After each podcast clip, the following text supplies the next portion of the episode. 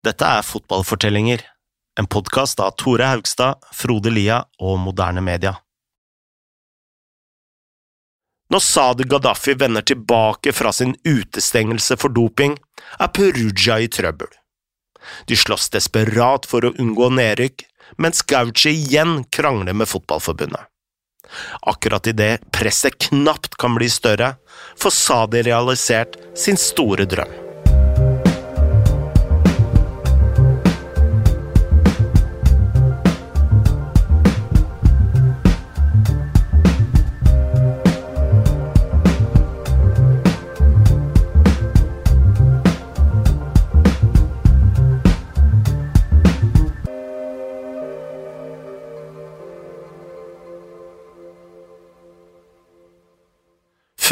Vi går videre til den siste halvdelen av Sadis debutsesong i Perugia, må vi nesten ta med hvordan Sadi levde på den tiden.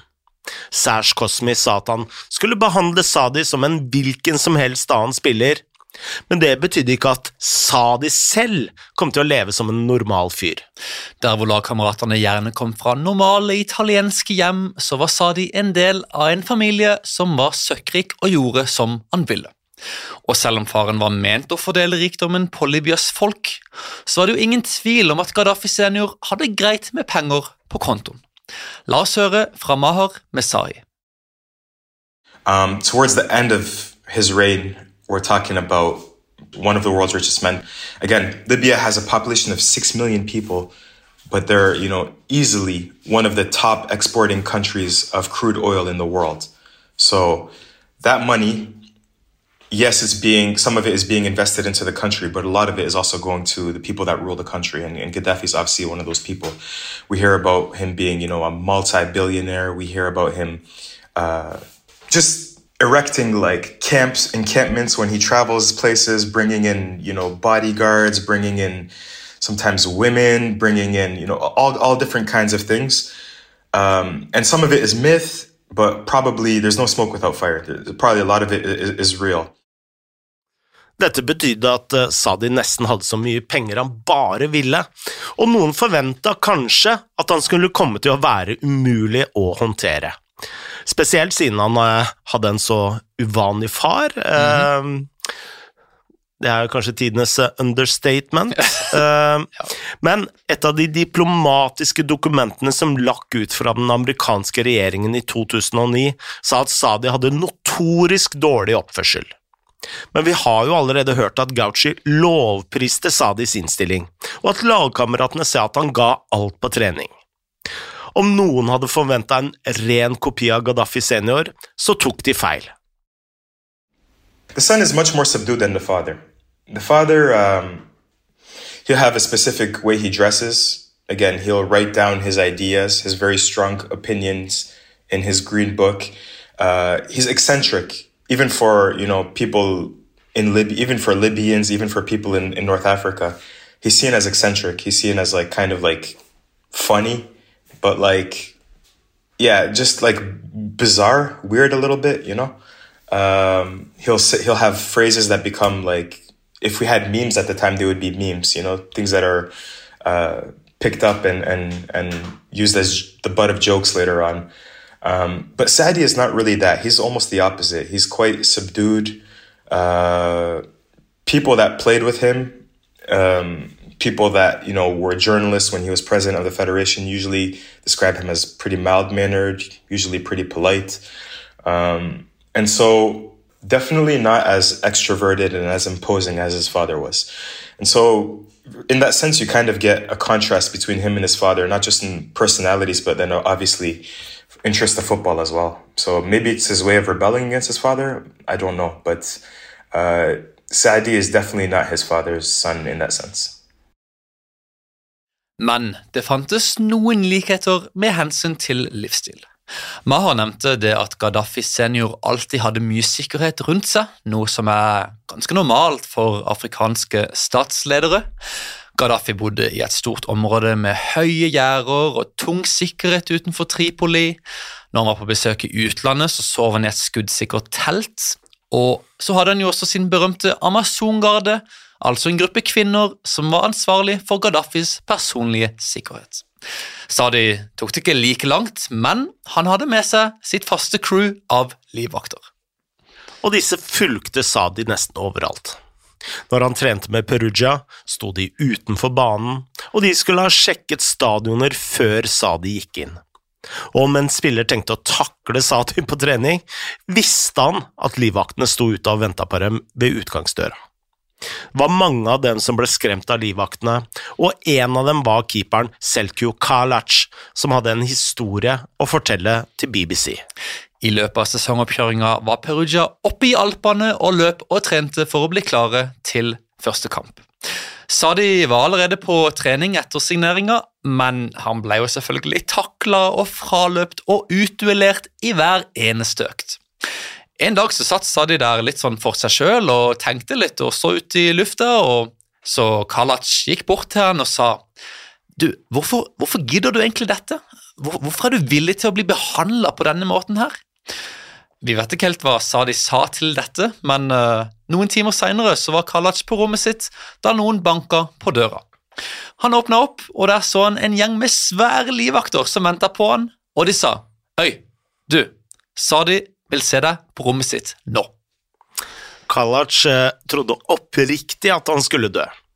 Og dette var helt i starten av Sadis opphold, og ingen visste hva han var kapabel til. Jeg vet ikke om eh, Kalac eh, akkurat skrev testamentet sitt før han gikk inn døra, men han tok nok noen dype pust før han vandra bort til Sadis rom. Der begynte de to å prate, og Kalac fant ut, til sin store lettelse, at Sadi slett ikke var sint.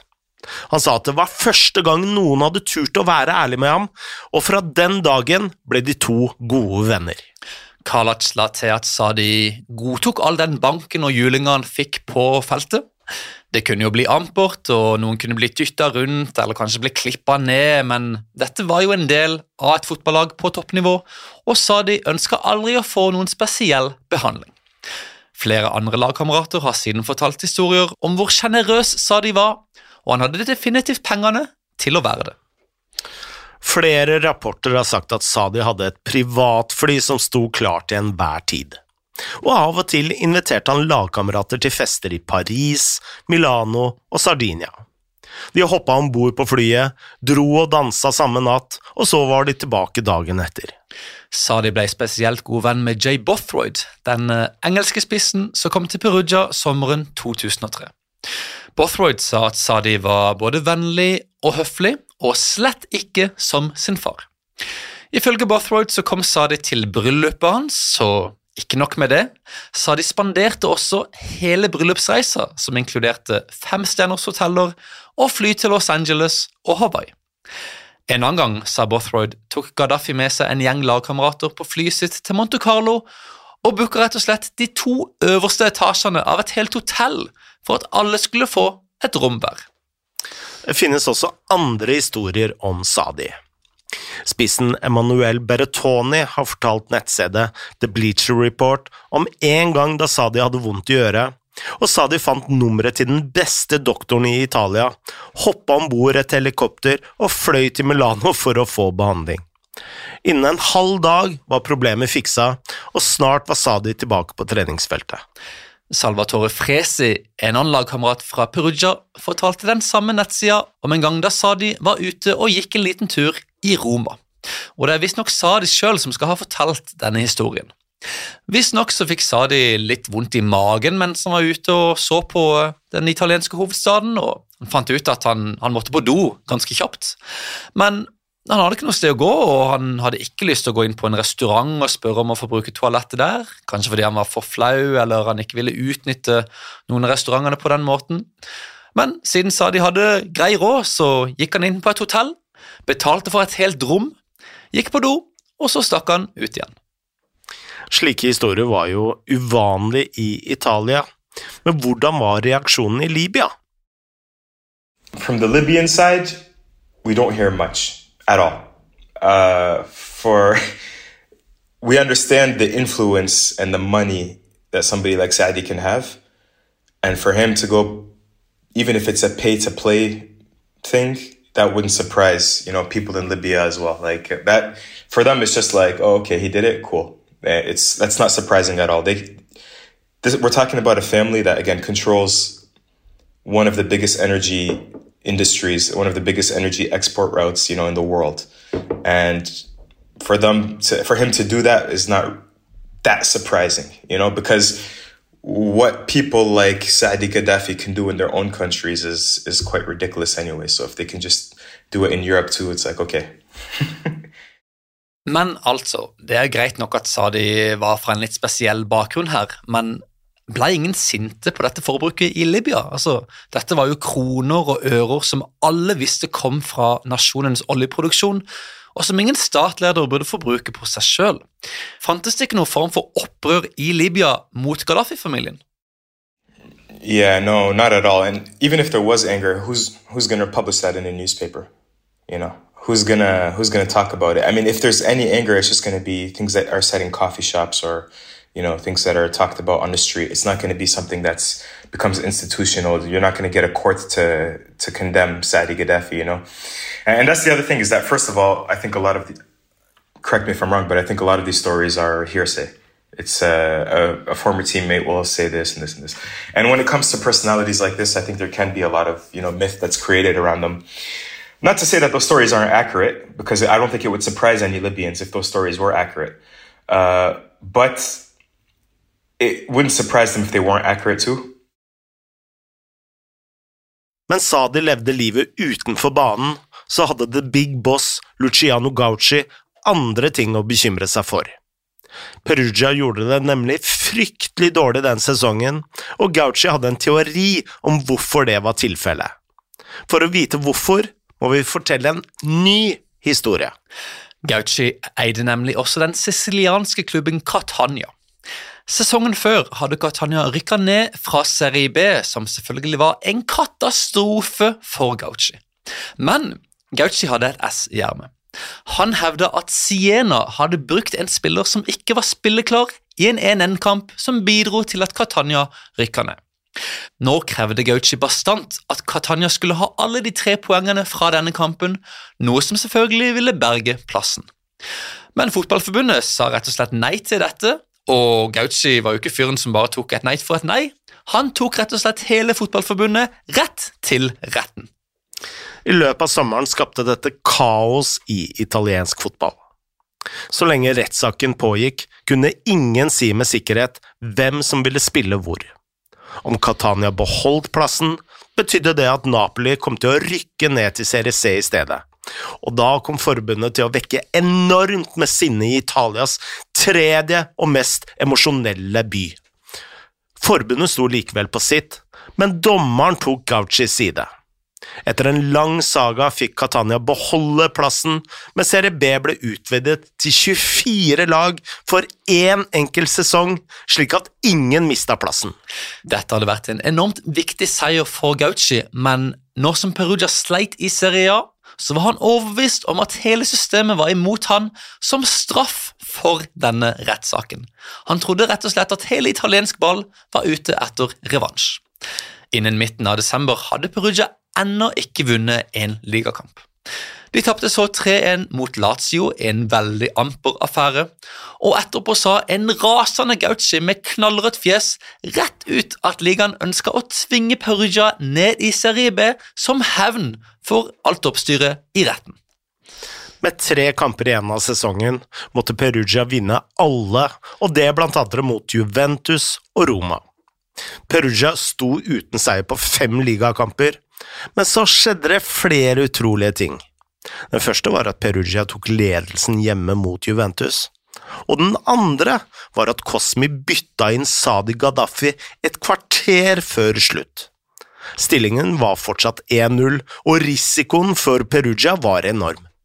Men Sadi hadde ikke gjort det altfor dårlig, for Perugia rodde i land tre poeng. Deretter slo Perugia både Roma og Ancona mot alle odds og berga en plass i playoffen om å holde seg oppe. John Foot, som har skrevet Calcio, sier at det dukka opp mange konspirasjonsteorier etterpå. Altså Hvordan i alle dager kunne Perugia plutselig vinne disse tre kampene når de hadde vært så håpløse så lenge? Og Mange så jo her på forbindelsene mellom Gaddafi og Gauchi og, og lagene de hadde spilt mot. Gaddafi hadde tross alt aksjer i Juventus, familien Gaddafi hadde kontakter i Roma, og Ancona ble styrt av en god venn av Gauchi sjøl. Uansett så tapte Perugia playoffen mot Fiorentina og rykka ned. Gauchi og Gaddafi var i serie B. Det ble starten på et uheldig sluttkapittel for Gauchi. I 2005 gikk Perugia konkurs, og myndighetene ville arrestere Gauchi, som ble beskyldt for å ha tatt 40 millioner euro fra Perugia til bruk i sine egne selskap. I stedet for å la seg arrestere, flykta Gauci til en villa i Santa Domingo i Den dominikanske republikk, hvor han langa ut mot alt og alle. Han hevda at agentbyrået GEA og Luciano Moggi hadde prøvd å ødelegge for ham, noe som hørtes som bare tull på den tiden. Men bare noen måneder senere kom Galciopoli, og mye av det Gauci hadde sagt, ga plutselig mening. Senere forklarte sønnen Ricardo til The Blaze Report hvorfor faren hadde signert Sadi Gaddafi. Faren min var fornøyd når alle snakka om han, sa Ricardo. Hans prinsipp var at all PR er god PR. Saken med Gaddafi var i avisene og på TV hver dag, og det var dette som gjorde min far lykkelig. Men hva hadde skjedd med Sadi Gaddafi? Utrolig nok ble han værende i Perugia hele den neste sesongen. Ifølge Transfermarkt spilte han ikke et eneste minutt i Serie B, og var bare på benken i to kamper. Da kontrakten gikk ut i 2005, prøvde Sadi å få en ny sjanse i Serie A, og utrolig nok skulle han lykkes igjen.